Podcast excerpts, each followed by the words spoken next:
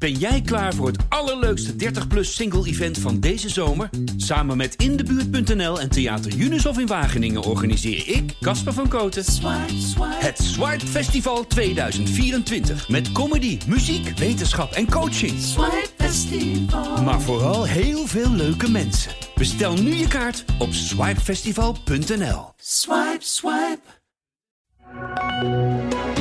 Dit is de AD Voetbal Podcast met Etienne Verhoef. AZ komt met geweldig resultaat uit Italië. Weghorst zorgt voor ophef. Spakenburg mag thuis tegen PSV spelen en hoogspanning bij Ajax en Feyenoord. Dit is de AD Voetbal Podcast van 8 maart. We gaan het allemaal bespreken vandaag met uh, Sjoerd Mossou. Uh, Sjoerd, was jij verrast door de 1-2 van AZ uh, bij Lazio Roma? Of had je dit natuurlijk van verre al zien aankomen, zoals elke Nederlander? Ja, natuurlijk. Een beetje kenner, uh, die, die voorziet dit soort dingen natuurlijk. Nee, um, nou ja, god, verrast. Nee, ook weer niet helemaal verrast. Nee. AZ heeft gewoon een goed elftal. Uh, Lazio was in die thuiswedstrijd tegen Feyenoord hartstikke goed. Hè? Feyenoord werd helemaal weggespeeld. Eigenlijk de enige wedstrijd dit seizoen waarin dat gebeurde. Uh, dus dat is een goed team. Maar bleek ook in de, in de thuiswedstrijd in Rotterdam ook wel weer kwetsbaar te zijn. Dus het is een beetje een, een wisselend elftal. Nou ja, dat, dat legde AZ uh, volgens mij hartstikke knap bloot. Zonder uh, de heel veel betere ploeg te zijn. Maar wel door gewoon in een Europese wedstrijd hartstikke goed te spelen. Ja, het was inderdaad, want dat Lazio dat combineert natuurlijk heel makkelijk op sommige momenten. En die, die, die creëren ja. heel makkelijk hun momenten. Bij, maar, maar dan nog uh, is het inderdaad ook weer bijzonder dat ze zo weinig effectief zijn eigenlijk in dit duel. Hè? Nee, precies. Het is een elftal dat, dat heel erg indrukwekkend kan zijn uh, in het opbouwen, in het, in het combinatiespel. Um, het ziet er af en toe fantastisch uit. Wat, uh, wat Sarri heeft, heeft neergezet. En het, en het volgende moment is het weer heel kwetsbaar. En dat zag je natuurlijk ook bij die eerste goal. Uh, dat is bijna um, de, de Hollandse ziekte wat je daar zag, maar dan uitgevoerd door Lazio. Ja. Die gingen vanuit eigen 16 eens eventjes uh, rustig opbouwen, uh, dwars door het midden. Nou, balverlies, doelpunt Pavlidis. En ja, dat, dat zit er ook een beetje bij bij die Italianen. Bij, dit, bij in ieder geval bij dit Italiaanse team. En dat is wel, wel grappig. Het is bijna omgekeerde wereld. Maar AZ ging daar goed mee om. Wie vielen jou ten positieve op bij AZ? Nou ja, uh, Pavlidis, Pavlidis maakte natuurlijk een geweldige goal. Ik zit even te denken, help me eens. Heb je iemand op het oog? Wil je het over iemand hebben? Uh, Reinders uh, valt mij altijd voetballend altijd op, weet je. Maar ook dat hij, het is niet een hele uh, brede voetballer. Hij is niet, fysiek niet heel, hij ook niet heel sterk, maar hij staat er altijd wel. En op de een of andere manier voetballend lost hij altijd dingen heel veel, heel makkelijk op eigenlijk. Zeker. Altijd nou, oplossing naar voren. Goede speler en, en mijn Als draaide vrij makkelijk mee. En Klaas is, is bekend. nee, ze speelden allemaal heel behoorlijk. Ja. Op, een, op een heel aardig niveau. Het is weliswaar Conference League, maar toch uh, voorzet hartstikke mooi. Ja, en, en, en, voor, de, voor de punten is het ook goed, hè? Nou, wou ik zeggen, dit is het voor onze punten echt uh, cruciaal in Nederland, toch onderhand? Met nog twee ploegen erin. Ja, de, de, als ik het allemaal goed begrijp, die puntentelling, ik ben daar niet zo overdreven goed in, maar uh, kan die, die extra Champions League plek vanaf 2024 kan ons niet, bijna niet meer ontgaan. Nee, nou ja, dat, dat is goed nieuws. Dat weten we. Een wapenwedloop volgend jaar tussen alle topploegen. Wie de kampioen en wie er bij de eerste twee in ieder geval gaat eindigen. Ja, dat is hartstikke goed en hartstikke belangrijk. Ja. Dus uh, mooi. Ja, en, en is, goed gedaan. Uh. Is die, en is die 1-2 ook voldoende uh, voor die thuiswedstrijd nog in Alkmaar? Want dan zit er natuurlijk wel weer voor uh, Lazio, vertelde Maarten gisteren ook al, die Romeinse derby nog achteraan het weekend. Zou die 1-2 voldoende zijn? Het is gewoon een hele goede uitslag. En, en AZ in eigen huis is heel moeilijk te verslaan. Dus het, het, ja, dat is een beetje open deur, maar het staat er, het staat er hartstikke goed voor. Tuurlijk heb je kans. En je zag uh, in de Kuip zag je dat, dat Lazio op, op, op visite ook die, totaal niet onverslaanbaar is. Dus alle kansen, ja. lijkt mij. Mooi. Uh, AZ doet het dus goed in Europa. Hopen dat Feyenoord dat donderdag dan ook gaat doen in de Europa League. ondertussen even een uitstapje maken naar Engeland. Wout Weghorst, tik daar het logo aan van Liverpool. Ik zie jou al lachen. ja, ja, ik vond het een grappig moment. Omdat ik denk dat hij dat echt deed in, in, een, in, een, in een opwelling. Dat dat echt een beetje de liefhebber was die daar liep. Een beetje zoals je dat zelf ook zou doen als je daar een rondleiding krijgt. Hè? Dat, dat, dat kun je ook doen op Enfield. En dan ga je ook door die tunnel het veld, het veld op. En dan al die toeristen raken dan even dat bord aan. Want dat is toch, dat heb je dan op tv gezien, weet je wel. En dan denk je van nou leuk, ik ga het bord ook even aanraken. En, en, en dat was wat Weghorst volgens mij deed. Die, die dacht, ja, die voelde zich even gewoon weer een jongetje dat meedeed aan een rondleiding. En dacht, verrek, ik ben hier nog nooit geweest. En dan hangt dat bord dat ik ken van televisie en van, van de foto's. Ik ga dat ook even aanraken. Gewoon in een flits. Ja, en dan krijgt hij dan uh, allerlei kritiek op. Ja, laatste joh. Hij heeft nu gezegd ook, uh, hij deed het om, om Virgil van Dijk een beetje te sarren, hè? Ja, het lullige was alleen dat het dan averechts uitpakte, hè, want het werd 7-0. Ja. En dan, dan ziet het er met terugwerkende kracht een beetje gek uit. Maar oké, het was een grapje dus. Ja, ik, ik, vond het wel, uh, ik vond het wel geinig. Ja, het is alleen lullig dat het 7-0 wordt. Maar zeg jij nu dat jij dit ook gedaan hebt, dat Liverpool-logo aanraken toen je daar was? Ja, volgens mij heb ik dat wel eens gedaan, ja. Oh jee. Volgens mij heb ik dat wel eens gedaan. Ja, dat was bij de presentatie van, uh, van Ryan Babel, volgens mij. Kan ik me herinneren. En daar zijn toch geen beelden van? Wat zei je? Er zijn toch geen beelden van? Dat ik dat bordje aanraak? Ja, dat, gek. dat we nu ook een rel hebben. ja, maar dat zou toch ook niet uitmaken? Nee, nee dat maakt ik heb, nooit met, ik heb nooit met 7-0 verloren van Liverpool. Nee, dat is waar. maar is dit een, uh, dat is een gewoonte, hè, dat, bord aan te tikken? Zijn er veel van dit soort gebruiken in het voetbal uh, om, om dit soort kleine dingen te doen? Zijn er veel clubs die dit soort dingen hebben? Ja, je hebt zo links en rechts nog wel wat, wat rituelen. Je hebt een bosje anjers bij Atletico Madrid achter, achter de achterlijn liggen. Ja, je hebt ook, ook wat minder semi-religieuze dingen als die, als die spelerstunnel in de Kuipen, die natuurlijk zo mooi omhoog gaat, die, die, uh, die, die deur. Um, wat heb je allemaal nog meer? Krijgt hij toch bij Barcelona altijd een, gebed, een schietgebedje in dat kapelletje? Ja, heb je zo'n kapelletje in die spelerstunnel inderdaad. Um, je hebt, uh, bij Schalke kom je eigenlijk door een, door een tunnel uh, die als een soort mijnschacht is vormgegeven. Hè? Een referentie aan de, aan de mijnwerkers. Dus je hebt wel veel van dat soort dingen. Um, maar dit is wel, ja, dit, dit bord is wel, uh, speciaal in zijn soort, ja. Ik heb een paar keer in de zomermaanden in de Kuip, zeg maar, van die gespiekerd bij die cups. En als dan mensen op het Feyenoord logo gaan staan in de Kuip, dat mag ook niet. Daar moet je ook van afblijven. Dus dat zijn van die, van die gebruiken in een voetbalstadion, hè? Ja, soms, soms wordt daar heel veel waarde aan gehecht. Hè. In, in Zuid-Amerika heb je dat nog veel sterker. Daar zijn ze nog veel bijgeloviger. En, en daar heb je tal van dat soort dingetjes. En uh, ja, dat is ook wel heel mooi, toch? En dat, hoort er ook een beetje bij. Alleen Weghorst, die, uh, ja, die heeft daar nu de, tussen aanstekens rekening voor gekregen. Ik vind ook dat we het ook niet moeten overdrijven hoor. Dit is ook wel weer zo'n typisch social media ding. Dat op een gegeven moment ja, bijna over de top uh, wordt uitgemolken. Maar goed, ja, Engelse kranten, wat wil je? Mee. Ja, precies. Engelse kranten, wat wil je? Die, die, die pakken groot uit toch op dit soort dingen. ja, die weten daar wel raad mee. het wordt ook gelezen. Want ik zag ook op onze site dat het uh, ook weer uh, geweldig gelezen werd. Dat Wout Weghorst een bordje heeft aangeraakt. Ja, het is wonderlijk af en toe hè, hoe dat gaat. Ja, um, wat minder wordt gelezen, maar wat wel op zich wel opmerkelijk verhaal is even Volendam. Die hebben het contract verlengd met trainer Wim Jonk. Ondanks enorme crisis en gedoe in het bestuur over contractverlengingen rondom de groep uh, Jonk. Het, het, het, rommelt wat dat betreft lekker in Volendam, terwijl ze ondertussen de punten binnenhalen. Ja, het is bijzonder dat het in zo'n klein dorp eh, zo gigantisch uit de, uit de hand kan lopen. Je zou denken, iedereen is familie van elkaar, dus die, die kennen elkaar onderhand wel. Maar blijkbaar, eh, ja, blijkbaar is dat nog steeds goed voor allerlei uh, intriges. En dit zie je heel vaak bij, bij echte grote clubs, zeg maar. dus uh, sowieso bij Ajax en Feyenoord, maar ook wel bij de wat grotere volksclubs heb je ook dit soort, dit soort uh, gedoe. Maar bij Volendam zou je dat toch totaal niet verwachten. En, en ik, ik moest ook ergens lachen om uh, het feit dat de RVC was dan weer gepasseerd in deze beslissing. Hè? Ja, ja, precies. En ze hebben een bestuur, maar ook een RVC. Dat had ik ook nog nooit eerder gehoord. Ja, ja en die waar, is dat, dat dan voor nodig? Een bestuur en een RVC? Daar nou, heb je een controlerend orgaan op een controlerend orgaan, denk ik. Dat is op zich is dat best. Oh, ja. dan, dan, dan, dan werk je het een beetje wat groter uit allemaal. En Nick en Simon, in welk orgaan zitten die dan? Uh, dat zijn de externe adviseurs. Dat is weer een derde orgaan. Ik bedoel, het is een beetje een kopie van Feyenoord wat ze gemaakt hebben. Dat in alle takken en alle geledingen ongeveer vertegenwoordigd zijn. oh ja. Ja, mooi. Ja, nee, het is, het is bijzonder wat er allemaal gebeurt. En ze vechten elkaar echt de tent uit, hè? ook met rechtszaken en zo. Ja. En uh, ik, ik, ik, was laatst bij ESPN, toen vroeg ik nog eens zijdelings van, goh, uh, Kees, Kees Kwakman...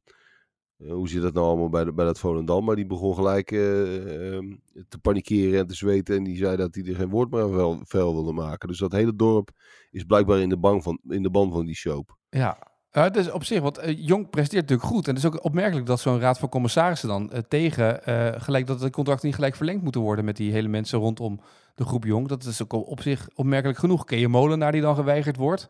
Jan Smit die dan weer boos is.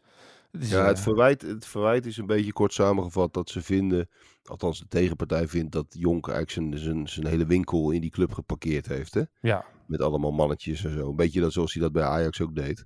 onder de noemer van Kamp Kruif. Dat was mhm. eigenlijk ook een soort winkel die daar in Ajax gereden werd. En dat doet hij nu eigenlijk bij Volendam. En daar is ook heel veel weerstand tegen. Maar goed, het, het leidt uh, na de winterstop wel tot, uh, tot prestaties. Dat is ook wel weer een grappige ironie. Hè? Dat er van alles te doen is. Terwijl het eigenlijk alleen maar beter gaat met Volendam dit seizoen. Ja, nee, dat is op zich wel bijzonder. Even een klein uitstapje maken naar een ander vissersdorp. Spakenburg mag thuis tegen PSV spelen van de gemeente. Dat belooft een mooi avondje dan te worden, toch? Ik bedoel, 8000 man willen ze daar op de tribunes zetten. Dat kan alleen maar een voetbalfeest worden. Ja, natuurlijk. Ik ben wel, moet ik zeggen, een beetje Spakenburg moe. We zijn natuurlijk wel echt doodgegooid met Spakenburg. Ook op televisie en in allerlei programma's uh, kwamen die mensen voorbij. Wat ik ze van harte gun Maar op een gegeven moment denk je ook weer van ja, laten we weer overgaan tot de orde van de dag. Maar die halve finale wordt natuurlijk, uh, wordt natuurlijk prachtig. En um, we snakken in Nederland toch vaak naar, naar van die typisch Engelse beker uh, stuntverhalen. Nou, dit is er absoluut één. Vooral ook omdat ze thuis spelen. Ik, ik heb ik begreep, volgens mij hadden we het daar vorige ook over.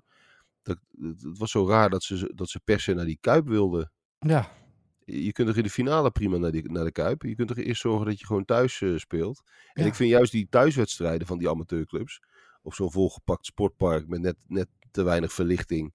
En uh, noodtribunes erbij gebouwd. Zo, dat, vind, dat vind ik juist eigenlijk nog veel mooier dan een amateurclub die naar de arena of de Kuip gaat. Ja, ik, ben, ik vind het, het sfeertje wat er omheen gaat hangen dan... en inderdaad het noodverband en dat de hele dag zo'n zo'n dorp in de ban is van die bekerwedstrijd, dat is natuurlijk wat je de hele dag gaat krijgen. Ik bedoel, dat begint s ochtends bij uh, eh, WNL uh, eh, met wakker worden in Wakker Nederland. En dat eindigt bij Hart van Nederland ongeveer op SBS 6. Ja, dat is geweldig. En dan de hele dag naar ESPN kijken naar, naar Christian Willaert die bij een, bij een viskraam staat. Weet je wel. ja. En vanaf, vanaf 9 uur s ochtends bij ESPN vandaag, want dan maken ze dan 32 afleveringen van. En dan schakelen ze iedere keer over naar Christian Willaert. En dan staat dan net een man uh, kibbeling te bestellen. En die wordt dan even geïnterviewd. Ja, helemaal, helemaal zin in. Ja, al die stranden. kan niet wachten. Dan staan ze precies bij de verkeerde strand. Bij iemand die rood is natuurlijk, van de IJsselmeervogels. Die gaat dan niet uh, praten, want dat heeft helemaal geen zin. Nee, die begint dan een beetje te mopperen over dat Spakenburg, dat, het, uh, dat, dat de blauwe, dat dat allemaal maar drama is of een kutclub is. ja, zo gaat dat in dat dorp.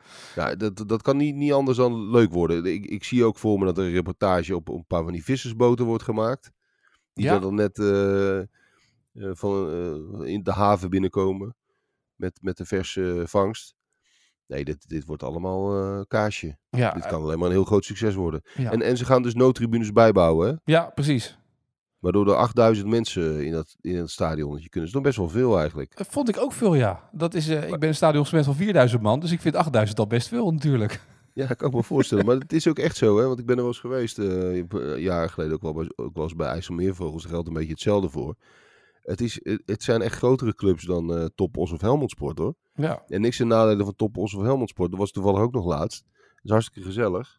maar dat, dat, ja, dat heeft net zo weinig of net zoveel met betaald voetbal te maken als Spakenburg. Overigens, tussendoor, een dag later is natuurlijk Feyenoord-Ajax, die halve finale in de beker, uh, die ook gepland staat in de Kuip. Uh, alles een beetje rondom Ajax en Feyenoord lijkt onder hoogspanning te staan. Hè? Als Mikos maandag wat zegt in de podcast over Alvarez, dan krijgt hij op Twitter heel uh, Ajax over zich heen.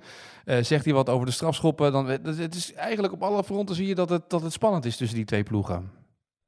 Ja, en dat, dat is ook een beetje iets van deze tijd. Dus, dus alles leidt tot, tot social media ophef. Uh, je kunt ook niets meer beweren of opschrijven of analyseren. En er wordt gelijk een soort duister complot in vermoed. Van de ene kant of juist van de andere kant. Soms is het. Uh, bedoel, wij, hebben, wij hebben daar een soort olifantenhuid voor uh, ontwikkeld in de loop der jaren. Maar het is soms ook wel eens vermoeiend. Ja? Ja, dat vind ik. Het slaat af en toe wel door, ja. Dat je, dat je bijna niks meer kan schrijven zonder dat dan gelijk uh, dat je een kamp hebt gekozen of dat je ergens. Uh, ja, joh, je hele polonaises van mensen die dan allerlei. Ja, die daar allerlei verbanden in zien en zo. En ja, je kunt toch prima constateren dat Feyenoord de laatste weken ongelooflijke mazzel heeft gehad met de arbitrage. En je kunt toch tegelijkertijd constateren dat het een, dat het een wonder is dat, dat die Enzo Alvarez altijd net geen rood, rood pakt. Dat lijkt me allebei vrij helder. Maar dat, dat, dat kan al bijna niet meer, want dan krijg je gelijk zo'n hele zo'n heel legertje met, met boze Ajax of Feyenoord twitteraars achter je aan. Ja, maar wat betekent dit als je nu een beetje aanvoelt wat daar nu gebeurt hè, rondom die clubs en rondom die wedstrijden? Wat betekent dat zometeen bijvoorbeeld voor die competitiewedstrijd in de arena? Dat het ook weer onder zo'n enorme hoogspanning gaat staan, net als die wedstrijd in de Kuip? Nou, misschien nog wel meer. Kijk, kijk die, die wedstrijd in de arena is natuurlijk eigenlijk belangrijker. Kijk, ja. uh, het bekertoernooi is voor de wat kleinere clubs uh, een absolute hoofdprijs. Voor de topclubs zijn, is het toch in de kern een troostprijs. Het gaat om het kampioenschap. Laten we wel wezen. En dan is die wedstrijd in de arena natuurlijk wel het belangrijkste. Dat blijft hij volgens mij ook wel. Dat is toch de wedstrijd die, uh, ja, die alles kan veranderen. Of juist niet. Ja. En uh, ja, daar kijkt iedereen denk ik met, met de meeste spanning naar. En er staat natuurlijk nog wel wat op het spel. Hè? Ook, ook als je naar, naar, naar Champions League plaatsing kijkt. Voor Ajax is dat, is dat financieel van, van cruciaal belang. En voor Feyenoord is het natuurlijk ook een enorme ik bedoel, die staan, dat is de ironie. Ajax is natuurlijk veel rijker, laat dat even duidelijk zijn. Financieel gezien. Die hebben een gigantisch eigen vermogen opgebouwd in de loop der jaren. En, en Feyenoord juist niet. Maar Ajax heeft wel een hele, hele dure huishouding. En een enorme salaris, enorm dure salarishuishouding die eigenlijk niet zonder Champions League kan. Dus als je dat één keer mist en misschien zelfs uh, twee keer, dan kom je wel heel snel in de problemen als Ajax zijnde. En bij Feyenoord is de situatie onvergelijkbaar, maar die moeten die hebben Champions League geld eigenlijk gewoon nodig om, uh, om, uit, uh, om uit de problemen te komen. En om eindelijk weer eens een beetje te kunnen investeren in het elftal. Ja, want, want je kan natuurlijk zeggen, als Ajax die Champions League of geen kampioen wordt en dus die Champions League zou missen, dan, dan uh, vraagt dat best wel veel voor de plannen die ze voor de komende jaren hebben natuurlijk. Ga je dan nog door op deze manier met die huishouding of moet je dan toch een stapje terug doen? Ja, nee, zeker. Dus dat, dat, is, dat is absoluut zo. Daar hebben we het volgens mij ook al eerder een ja. keer over gehad. Dat, dat is echt wel een bijzonder kruispunt waar ze op staan. En zelfs als ze het wel zouden halen, ligt die vraag al op tafel. Hè? Want ook dan zie je dat als je met heel veel pijn en moeite en met heel veel risico toch wel, als het gaat om je, om je uitgaven, dat je, dat je eigenlijk maar niet dichter bij die Europese uh, top komt. Sterker nog, het financiële gat blijft alleen maar groter worden. En dat is, uh, dat is, dat is voor Ajax een heel lastige positie. Uh, voor, de, voor de middellange termijn. En, en Feyenoord en PSV hebben daar natuurlijk weer een heel eigen zorg in. Eh, dat, dat, dat is een beetje per club verschillend. Maar voor Ajax is dat wel uh, op bestuurlijk niveau een, een, groot dilemma. Ja, en zou dat ook eh, bepalen wat de keuze gaat worden voor wie er trainer wordt volgend jaar bij Ajax? Als je kampioen wordt, dan heeft hij die gaat goed gedaan, dan ga je daarmee door. Of word je dan aantrekkelijker voor een grotere trainer omdat je Champions League speelt? Zit, zit dat ook de afweging daarin? Nou, dat zou ik eerlijk gezegd gek vinden je, volgens mij moet je met, wel of niet met Heidegger doorgaan op basis van uh, een vertrouwen dat je hebt in zijn werkwijze. En of je dan wel of niet kampioen wordt, is niet, dat zou niet zo relevant moeten zijn. Als jij gelooft dat, dat Heidegger je verder kan brengen in de komende jaren, dan moet je met hem doorgaan. En uh, denk je dat, je dat je een betere nodig hebt, dan moet je een betere trainer halen. Maar dat zou uh, onafhankelijk moeten zijn van wel of geen kampioenschap. Ja, maar het ligt natuurlijk ook weer heel erg aan welke keuze er wordt gemaakt. Wie er technisch directeur gaat worden of wie daar technisch beleid gaat uitzetten natuurlijk. Want daar zal veel afhankelijk van zijn. Ja, en dat is allemaal heel erg onduidelijk. Hè? Net, net zoals dat bij Feyenoord trouwens uh, best wel onduidelijk is. Ja, want dan kunnen we ook weer allemaal namen gaan toevoegen aan lijstjes. Heb je daar gevraagd wordt als technisch manager of in ieder geval de technische, nou ja, wat noemen ze dat dan? De, de kwaliteitsbewaker of, of wat willen ze daar binnen halen? Want een directeur wordt het geloof ik niet, hè? Nee, een soort technisch manager. Hè? Ik, ja. ik, ik, geloof altijd wel dat... Uh, het is al heel raar dat die functie niet is ingevuld. Maar het gaat er voor een heel belangrijk gedeelte ook gewoon om dat, uh, dat je met mensen, dat je op mensen kunt bouwen die elkaar vertrouwen en helpen. Dat lijkt een open deur, maar bij voetbalclubs is het, blijkt het vaak heel erg moeilijk te zijn om daarin een goede combinatie te, te vinden. Even los van de poppetjes en de namen. Het, het, valt of staat bijna altijd bij een, bij een twee- of een driemanschap dat een club samen uh, verder helpt. Dat heb je natuurlijk met, met Overmars en Ten Hag gehad, eerder bij Ajax. Um, je hebt wel meer van die, van die succesvolle combinatietjes gehad. Je had vroeger bij Feyenoord dat je uh, van de Herik, Robbaan, uh, Bert van Marwijk. Dat was gewoon zo'n drie-eenheid die uiteindelijk uh, het succes behaalde met het winnen van die, van die UEFA Cup. En zo is het heel vaak zo. Dat, dat een paar mensen die, die, die elkaar vertrouwen en op een goede manier samenwerken, die, die, die maken vaak het verschil tussen, tussen succes of geen succes. En, en met name daar moet je vaak als club naar op zoek. Ja. En, en dat blijkt uh, in de praktijk uh, heel moeilijk te zijn. Eventjes nog naar de Champions League vanavond. Bayern München, PSG. Dat is toch wel de wedstrijd waar iedereen naar uitkijkt, toch? Wat gaat daar gebeuren? Gaat Paris Saint-Germain nog een beetje kunnen stunten, ook zonder Neymar, of niet? Ja, het, bij Paris Saint-Germain heb je nog steeds heb je eigenlijk ieder seizoen is, is, is dat een beetje hetzelfde verhaal. Gaat het nu wel lukken om die Champions League te winnen? En meestal, meestal lukt dat niet. nee. Nee. Het, het, is toch blijkbaar heel moeilijk. Ook al heb je ongelooflijk veel geld en heb je, ook al heb je geweldige spelers. Ehm, de, de clubs die zeg maar in hun DNA hebben zitten dat ze altijd meestrijden om, om de hoogste Europese prijzen. Zoals Bayern daar ook een club, een club van is. En de Real Madrid natuurlijk helemaal. Ehm, dat, dat blijkt toch vaak het verschil te maken om, om een of andere ongrijpbare reden. En dat, dat is ieder jaar nog zo. En ja, misschien uh, wordt het nu eindelijk een keer omgedraaid, maar ik verwacht eerlijk gezegd niet. Ja, maar het is ook een beetje leuk. Paris Saint-Germain heeft natuurlijk niet zo'n hele goede voorhoede meer natuurlijk. En nu Neymar weg is. Ik bedoel, dat, dat moet je ze ook wel een beetje meegeven. Een beetje clementie hebben. Klopt, ze zouden er nog wel eentje bij mogen halen. ja. Uh, een leuk spelertje. Leuk spelertje. Iemand die nog een beetje doelpunten kan maken of zo. Zou het niet gek zijn voor ze, denk ik. Precies. We gaan naar de slot van deze podcast. De vraag van vandaag.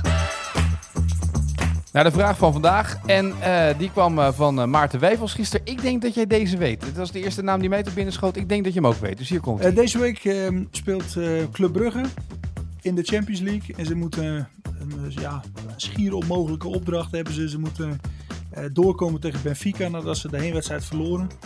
Alleen in het verleden van Club Brugge ehm, hebben ze in de jaren 80 hadden ze een geweldig seizoen waarin ze uh, hele spectaculaire uitslagen neerzetten. Ook tegen grote clubs. Borussia Dortmund onder andere. Uh, wie was de Nederlandse trainer van dat Brugse team destijds? Midden jaren Mooi. 80. Een Nederlander aan het roer bij Club Brugge. Dat, uh, ja, dat, dat heel ver kwam in Europa. Met spectaculaire uitslagen. Uh, Henk Houwaard?